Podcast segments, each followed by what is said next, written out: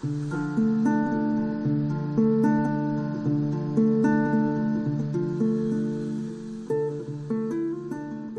denk dat ik toen ik zeven jaar was, wilde priester worden. Ja, Jezuïeten zijn uh, religieuzen, waarvan de meeste priesters zijn, maar niet allemaal. Ik heb 55 jaar in Congo gewerkt. Heel mijn leven is eigenlijk ja, een genade geweest. En ondanks alles, al mijn zwakheden, heb ik daar toch iets gerealiseerd dat de moeite waard is. Dus mijn leven is de moeite waard geweest. Tot meerdere eer van God. Jezuïten in de lage landen. Dat is de enige tijd van mijn leven. Ik heb geen ander leven gehad. Ik heb, ben 55 jaar in Congo geweest. Ik heb dat altijd heel rijk gevonden. Maar toen stonden ze ook met geweer voor mij.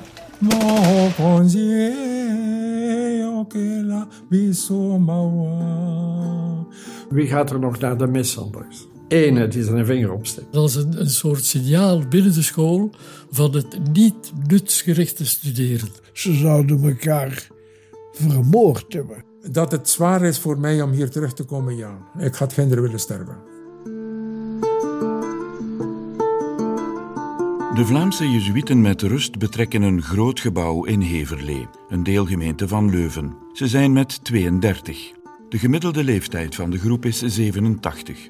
Hun Jezuïtenhuis bevat een kerk, een studentenhuis en een woonzorgcentrum.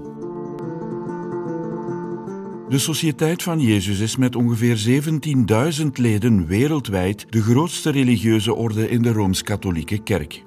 De orde werd in de 16e eeuw gesticht door een onstuimige jongeman van adellijke komaf, Ignatius van Loyola. In de reeks audiodocumentaires Tot meerdere eer van God, Jezuïten in de Lage Landen, praat ik met Vlaamse en Nederlandse Jezuïten over hun overtuiging, hun geloof, hun inspiratie hun leven. Ik breng eerst tijd door in het Jezuïtenhuis in Heverlee. De meeste bewoners daar waren tijdens hun actieve leven missionaris. Al hebben ze het land en de mensen van wie ze gingen houden vaarwel moeten zeggen, in hun ziel blijven ze missionaris. In de context van de kerk met een grote K zijn ook deze Jezuïten, zacht uitgedrukt, non-conformisten niet te beroerd om scherpe kanttekeningen te maken bij heilige huisjes. De kerk als instituut, de bisschoppen, de kolonialisering, het onderwijs en, zonder partijen bij naam te noemen, de politiek. De basis van hun inspiratie zijn de geestelijke oefeningen van Ignatius van Loyola. Een manier om persoonlijke keuzes naast de levenshouding te leggen van de man bij wie alles begint, Jezus van Nazareth. In deze aflevering praat ik met pater André Rosier. Ik ben uh, jezuïet en ik ben missionaris. En dat zijn de twee woorden die alles kunnen resumeren. Nu ik wat ouder ben geworden en ik op mijn verleden terugkijk, moet ik zeggen dat ik uh, begin te beseffen dat ik eigenlijk niet veel gedaan heb zelf. Uh, in die zin dat heel mijn leven een, geschenk is geweest van boven. En uh, dat ik dat nu pas ontdek. Want ik heb toch wat, heel wat gewerkt, zoals een goede Vlaming. En ik zou zeggen, ik heb de Heer en de mensen laten doen in mijn leven wat ik gedaan heb. Ik ben van een katholieke familie, vader en moeder. En van jongs af aan waren wij verplicht van iedere dag naar de mis te gaan. Vooral mijn vader was een vrome mens. En die hebben er alles aan gedaan om, om mij zo goed mogelijk voor te bereiden op het leven. We woonden in, eerst in Vilvoorde, maar ze hebben eraan gedacht dat het beter zou zijn voor mij van naar uh, Brussel, naar Sint-Jan Bergmans te gaan. Ze hadden er een bedoelingen mee. Ik heb dat echt nu, nu pas begrepen. En dus uh, van jongs af aan ben ik dan uh, eerst uh, in Vilvoorde naar de lagere school gegaan. En daar ook als klein kind, ja, kende ik Latijn zeker. Ik, ik, ik ging de mis dienen vanaf zeven jaar of zoiets. En als ik van college veranderde, dan moest ik wel uh, vroeg opstaan om, om in Brussel te geraken. En daar was het hetzelfde. Ik uh, werd misdienaar bij de Jezuïeten. Voordat de klas begon, begon ik dus met uh, naar de kapel te gaan En ik werd daar aangesteld als verantwoordelijke van de misdienaars, zoals dat in die tijd ging.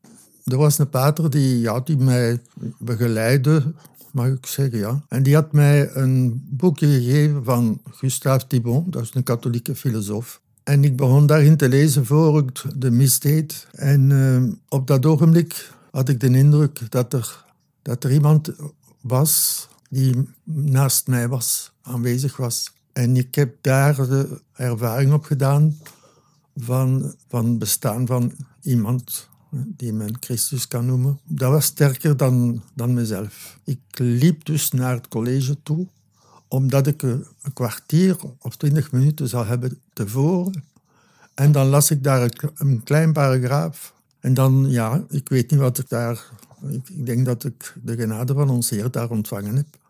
Dat is een, een ervaring geweest die ik nooit meer vergeten heb. Dat is om te zeggen eh, hoe dat ons Heer in mijn hart begonnen is en in mijn leven. Si tu fructifies les talents que je t'ai donnés, tu m'es fidèle. Si tu exploites les trésors que j'ai mis en toi, tu as ma joie, ma confiance. Op dat college kwamen er ook missionarissen spreken. En uh, als ik daarna luisterde en een filmpje zag met de zwartjes, ik werd daar ook getroffen, zoals hè, in mijn meditaties. Dat trok mij geweldig aan. En op een dag uh, vroegen ze of er vrijwilligers waren voor de doofstomme scouts van Woluwe, van de Broeders van Lieten. En we waren met vier en ik had mijn vinger opgestoken. Wat mij trof was niet de scouts, maar de doofstommen. Ik zeg, oh, dat is fijn. En van dan af, heel mijn humaniora, ben ik daar naartoe gegaan, iedere weekend. En al mijn vrije tijd ging daarin op. Dat heeft mij later geholpen in uh, Congo, om daar ook te beginnen met ja, kinderen die toch een gebrek hadden. Ik had een hoog gedacht van Jezuïeten en ik zei tegen mijn begeleider, ja, dat zijn de verstandigste mensen van de wereld. Iets wat ik nu niet meer zou zeggen. En op een zekere dag vroeg mij, ja, maar wat gaat je nu, wat gaat je nu doen in je leven? Ja, ik zeg, ik ben, ik ben te dom om, om jezuïet te worden.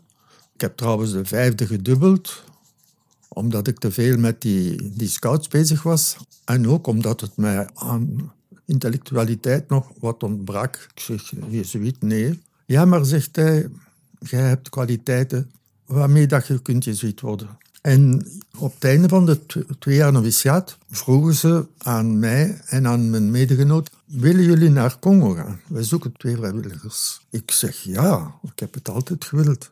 Ik was zeer blij dat men dat cadeau gaf, want bij die Jezuïeten moet je normaal lang studeren voordat je buiten mocht, hè? voordat ze je laten vertrekken.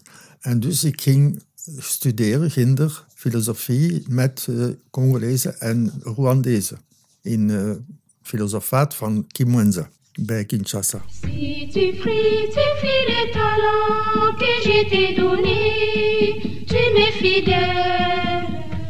Si tu exploites les trésors que j'ai mis en toi, tu as ma joie, ma confiance. Ja, de eerste confrontatie, ik had nog een, een koloniale hoed op. En men heeft me gezegd, ja, maar dat is niet meer in mode. Dat was het eerste dat ik heb onthouden. Maar uh, ja, dat, is, dat ging. Ik voelde mij daar op mijn gemak. Hoewel de tijd gespannen was. Het was uh, eh, 1959, juist voor de onafhankelijkheid. Maar wij hebben nooit onder elkaar ruzie gehad. Ja, toen de blanken verkracht werden en zo, zijn we zelf niet gaan lopen. We zijn gaan helpen in Chili om die Belgen op te vangen en die wat eten mee te geven dat van dat toen van met Sabena uh, afkwam en, dus, en dan afwas doen en zo. Dus wij gingen iedere dag helpen. En nu tussen haakjes gezegd, uh, ik heb die reeks van de kinderen van de kolonie een beetje bekeken. Op canvas? Ja. En daar hebben ze één ding gezegd over de missionarissen. dat ze niet gevlucht zijn in 1960. Achteraf hebben gezegd, ik had toen nu 58 jaar in Congo geweest. Zeg, en wat hebben wij daar gedaan? Wij zijn gebleven. Waren wij daar dan ook kolonialen? Want men heeft gezegd dat wij, de paters, samenwerkten met de kolonie. En dat was ook zo, voor het onderwijs en zo. Maar ja, ondertussen hebben we ook gebouwd en bruggen en zo. En, dat heeft mij zo'n beetje... Wow, ik vond dat toch niet eerlijk. Dat die mensen die hier geleefd hadden in België, die hebben die tijd niet gekend van de onafhankelijkheid en het daarna. Die hebben niet uh, meegemaakt dat wij verschillende keren in levensgevaar waren door, door wat er gebeurde hè, met rebellen en zo. En dat onze paters in, in het gevangen gestoken werden. Ja. En als je daar heel je leven hebt gegeven met al de gevaren die je beleefd hebt, dan schokt dat toch een beetje. Hè? Je zou toch graag hebben dat ze de waarheid over ons ook een keer zeggen. Si tu fructifies les talents que je t'ai donnés, tu m'es fidèle. Si tu exploites les trésors que j'ai mis en toi, tu as ma joie, ma confiance. Na de filosofie, die drie jaar geduurd had in Kimunza, moest ik dadelijk drie jaar naar het binnenland werd ik benoemd op een normaalschool, zogezegd om les te geven. Dat lag mij niet helemaal. Maar enfin, ik vond daar wel een ontplooiing in het begin van eh, jeugdwerk. Er was een beweging, Xaverini naar Franciscus Saverius. En ik, uh, ik ontdekte dat daar en ik heb me daarin gelanceerd. En ik heb die gesticht waar ik was. Ik begin daarmee mijn, eigenlijk mijn roeping van met de jongeren bezig te zijn. En dus daar moesten wij 27 uur lesgeven. Surveillantie, s'morgens en s'avonds, was zeer zwaar. Daarna, ik wou twee jaar broesepater doen, om de taal te leren en de gewoontes. En ik kreeg dus een, de verantwoordelijkheid over 120 dorpen. Ik ben dus begonnen met die dorpen te doorlopen, met daarin ook wat te gaan wonen met de mensen. En na één jaar op een zeker ogenblik benaderden wij de jaren van 1970 eh, en dat waren de jaren van Mobutu. Mobutu op een bepaald ogenblik heeft al de jeugdbewegingen verboden. Alleen de MPR, Mouvement Populaire de la Révolution, mag bestaan. En dan heeft men mij verplaatst naar een andere missie, waar ik opnieuw moest lesgeven. En daar uh, op zekere dag, iedere dag de jongens moesten s morgens animatie doen. Dat was dansen voor, dans voor animation. En ja, de les begon om acht uur. Om acht uur twintig waren ze nog aan het dansen. En ik heb eens gezegd, is dat daar bijna gedaan met het dansen? Ja, ik was niet, niet bewust van wat ik zei. Ik werd dan aangeklaagd van anti-mobutisme. Ja, ik hoorde ook het, uh, dat elders paters in het prison waren terechtgekomen maar die, die, die begonnen daar het evangelie te prediken en, en te dopen, zoals, uh, alsof er niks gebeurd was.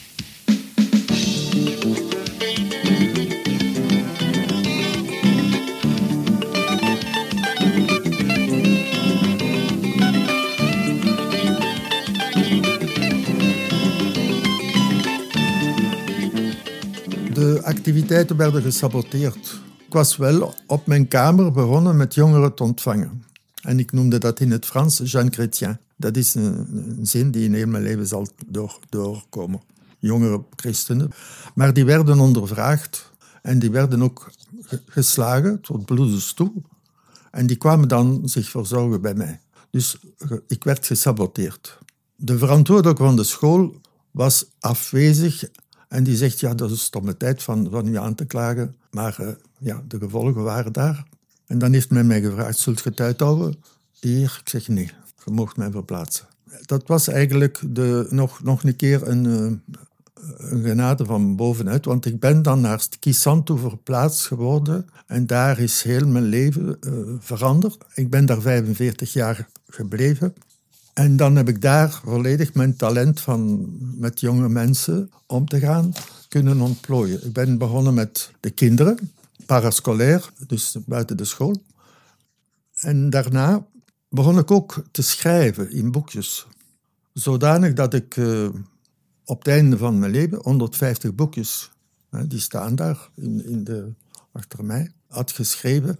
Al wat ik beleefde, al wat ik aan vorming gaf en al wat ik van hen ontving ook, heb ik daarin uh, neergeschreven. Tot meerdere eer van God. Jezuïten in de lage landen. En ik ben dan ook ehm, op een zekere dag wakker gemaakt door de medebroer. Die zei, je zou dus naar Kinshasa moeten gaan, want daar is er iets dat, dat u, u zal afstaan, aanstaan. Eh, namelijk de jongeren van het licht, Bilengia Mwinda, jongeren van het licht. Dus enfant de lumière. Ik zeg, ja, ik zal gaan kijken. En ben ik op een parochie van een schutist gegaan. En die heeft mij gezegd, ja, daar zijn die jongeren. Die zullen nu vormen. Ik zeg, wat is dat? Uh, ik dacht dat die pater mij zou vormen.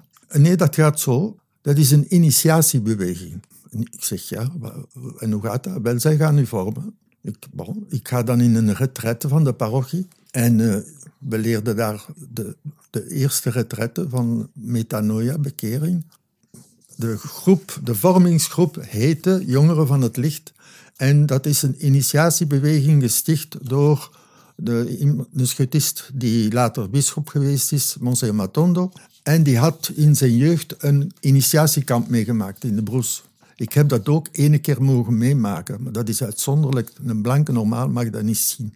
En hij heeft dus gezegd, hij was een keer eh, s'avonds aan, ze waren, de jeugd was aan het dansen in de parochie, tot twee uur s'nachts. En hij vroeg zich af, maar kan men nu toch niet op een andere manier uh, Christus spreken aan die jongeren? Moeten we langs die omweg van dat dansen heel de nacht? En dan heeft hij gezegd, we zullen het proberen direct de naakte Christus op het kruis te prediken door ze te initiëren. En dus de methode negro-africain, zoals hij dat noemde. En dus dat betekent dat die jongeren gevormd werden tot echte christenen, maar met vormingen, met vergaderingen en met retretes, maar dat heeft helemaal niks te maken met onze retretes. Dat waren initiatieretretes en die waren allemaal verschillend. Amis jeunes, qu'avons-nous fait, vous et moi, des multiples dons de l'initiation reçus depuis bientôt 20 ans Quel est notre effort de contribution en vue de l'amélioration continuelle de sa qualité? Enfin, par-delà les considérations purement initiatiques, ces quelques chants qui du reste ont déjà fait leur preuve parmi les jeunes se veulent aussi notre humble contribution à l'effort collectif du redressement de la nation, de notre nation. Dikwijls naar Kinshasa, omdat dat de, bron was hè, van de oorsprong. En daar waren de zangen ook, maar die waren gericht onrechtstreeks tegen Mobutu.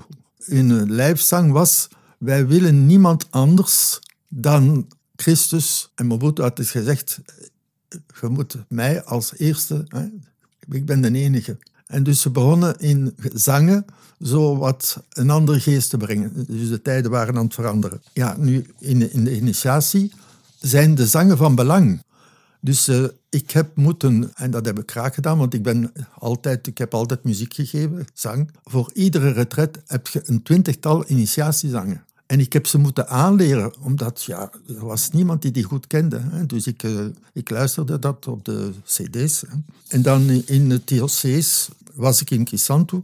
Maar ik begon elders ook naar de scholen te gaan, naar andere parochies, soms op 90 kilometer. En ik, ik had toen een motto. Hè, met, en ja, dat, dat straalde uit. En dat ook zette ik onder boekjes. Dus al wat ik beleefde, al de vorming die ik gaf, schreef ik neer. Bijvoorbeeld het eerste boek dat ik geschreven heb, zijn de 16 mystieken, les 6 mystiques. Ik, was een keer, een, gaf een keer een recollectie en uh, ik zei, uh, Jésus est pour nous la lumière. Il nous fait voir clair. Dus daar gaat een vinger op, in het Lingala. Voir clair. Weet je wat dat voor ons betekent? Ik zeg, nee. Ah, zeggen ze, je moet dat weten, hè.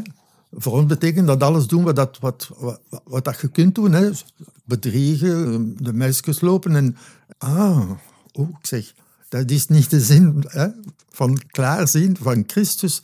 Dus daar heb ik gezegd, ja, een faux voir clair, ja, een vrai voir clair. En dat is in het begin van mijn boek, Zes Mystiek, daarmee ben begonnen. En voor vele jongens was dat een ontdekking, dat er een faux voir clair was en een vrai voir clair.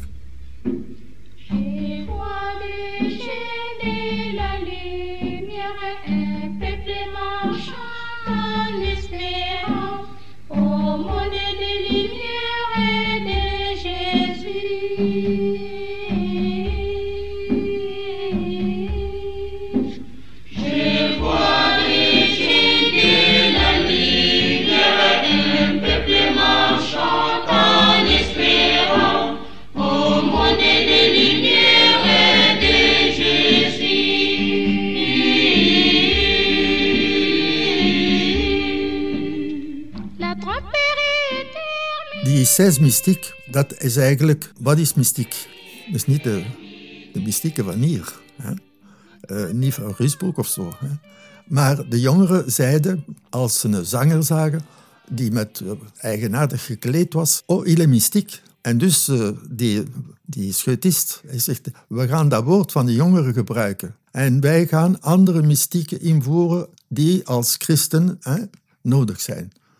Ik zal er enkele noemen, want dat is nogal een, een hele vorming. De voornaamste en de eerste mystiek is die van Bondeco, of broederlijkheid. Een beetje in de zin zoals de paus het geschreven heeft, tutti fratelli. En dus als wij samen zijn, zijn wij samen als broer en zuster. Wat de retretes natuurlijk van drie dagen samen heel wat veranderde, zodat sommigen zeiden, ik had nooit geloofd dat ik met drie dagen met meisjes kon samenleven. En dat ze weenden, maar alleen van, omdat ze iets eh, hadden beleefd dat ze nog nooit hadden beleefd. Hè. Dat is de eerste mystiek. De, een andere mystiek is mystiek du palmier. Als je de palmboom bekijkt, dan is dat een rechte boom. Diepe wortels, groeit langzaam, maar op het einde is alles wat hij voortbrengt vrucht. Tot hij valt en dan komen er nog wormen uit die zij ook graag eten. Dus hij geeft ook zijn leven. Hè. Zelfs als hij zijn leven geeft, dan komen er nog vruchten. Natuurlijk toegepast op het leven van de jongeren. Inspanning doen, geen, geen afkorting, eh, nemen. Hè. Uh, studeren om je leven op te bouwen. Hè. Recht, recht, recht blijven.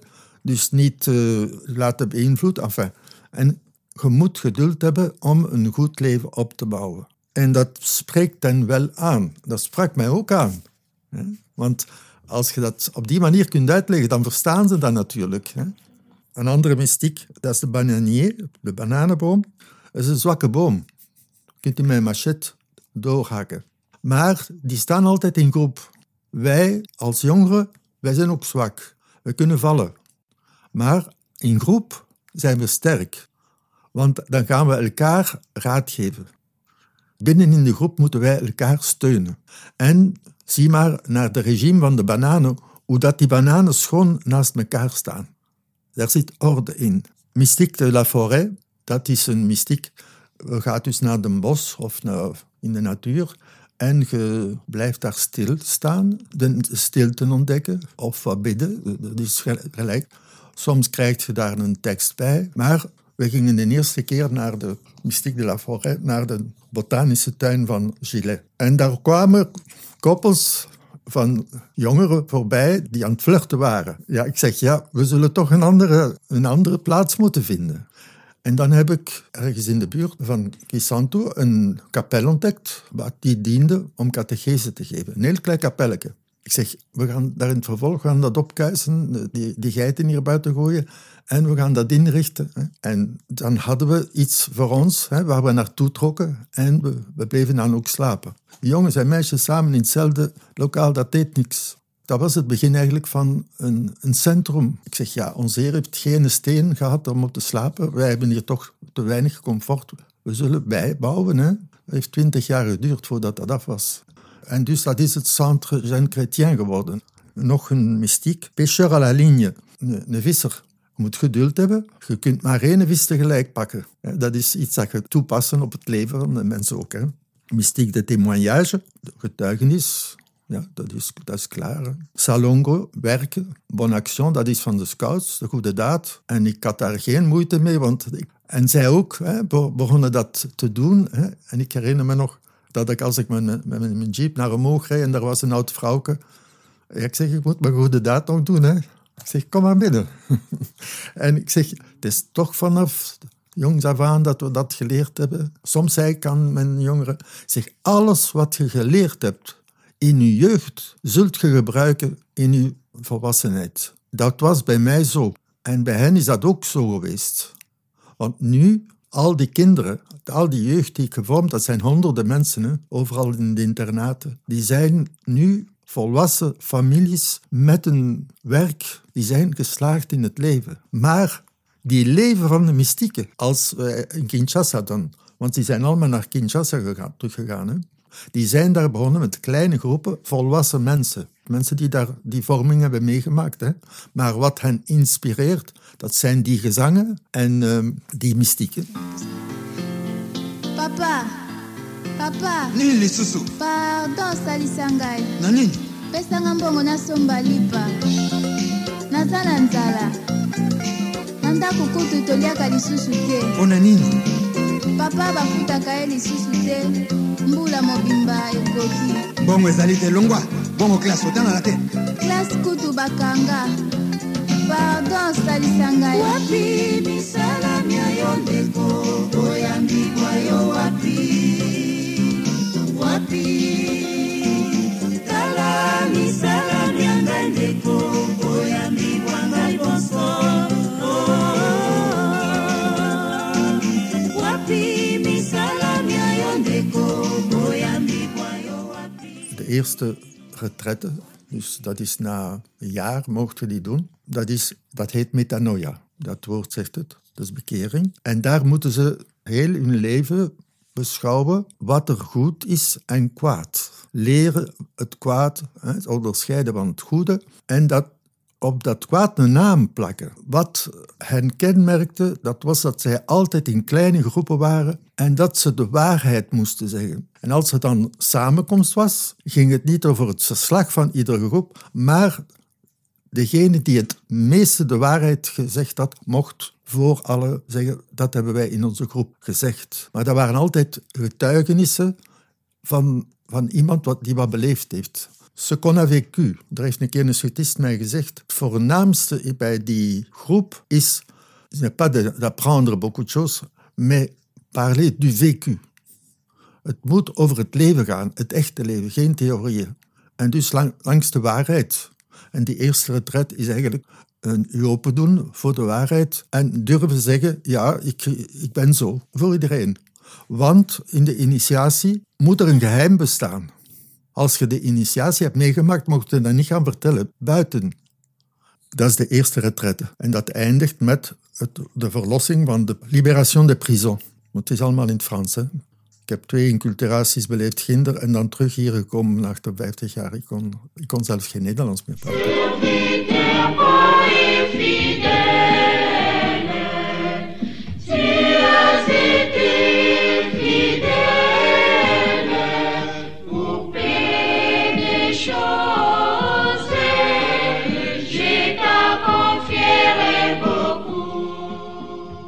Die retret van dood en de reisnis heb ik nooit kunnen geven.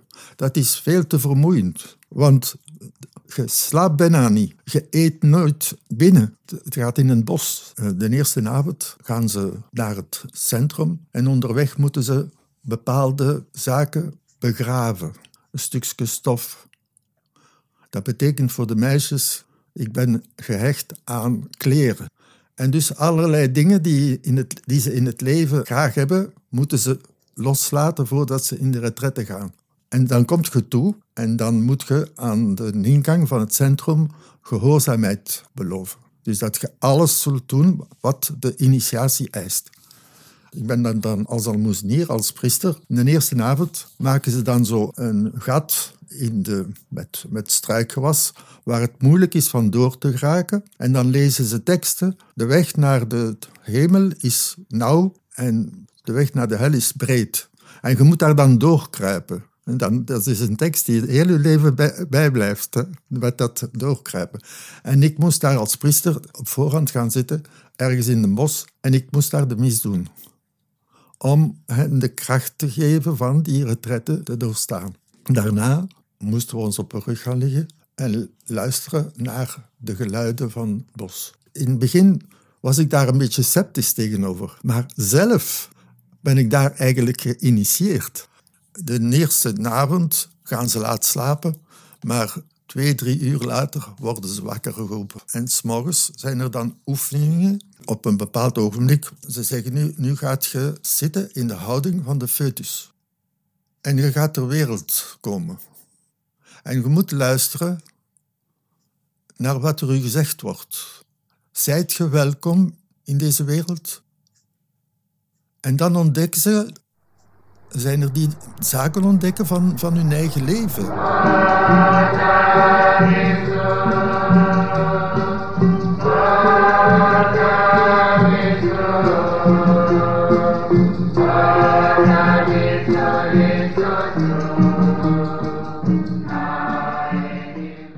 Canada bijvoorbeeld, of Brazzaville, of Pointe Noire, Lubumbashi, of Beni.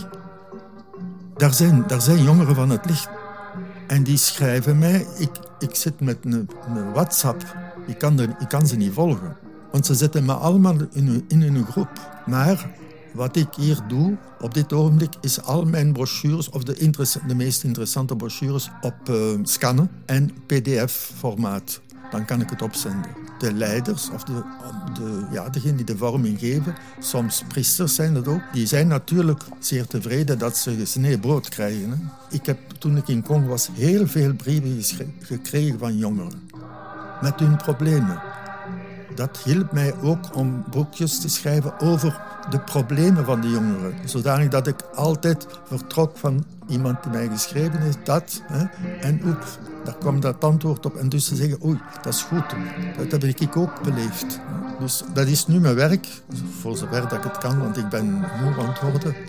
En nu heb ik gehoord dat ze het centrum gaan op, op Calfata. En dat mijn ouderen, jongere Jezuïeten, die ik als kind gekend heb, bij de kleinste, nu gaan beginnen retretes doen op eh, dat centrum.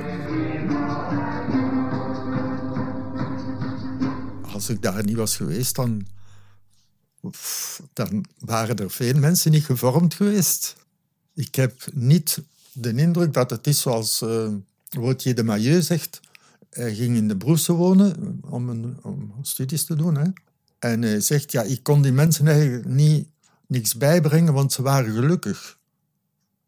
Zoals ze waren, in een primitieve toestand. Ik vond dat de jongeren, ja, die waren niet in een goede toestand. En die gingen niks maken van hun leven, zoals nu ook nog. Ik vind dat ik uh, zeer nuttig geweest ben. Dus uh, ik kan niet zeggen dat. Ik mag niet zeggen ook dat de missionarissen verkeerd hebben gedaan door daar naartoe te gaan. Dat zou wraakopend zijn. Ik ben heel gelukkig. En uh, ze zijn ook één met mij. Ze zeggen, leef zo lang mogelijk en werk zo lang mogelijk. Ik heb daar vriendschappen, dat is, dat is niet... Ik mag ook zeggen dat ik de vruchten zie van mijn leven. Wat niet iedereen mag zeggen. Dus ik zie die vruchten. Die blijven naar mij schrijven. Wat we zijn, zijn we dankzij u. Dat is een cadeau voor mij. Dat is een genade. Heel mijn leven is eigenlijk ja, een genade geweest. En ondanks alles, al mijn zwakheden, heb ik daar toch iets gerealiseerd dat de moeite waard is. Dus mijn leven is de moeite waard geweest.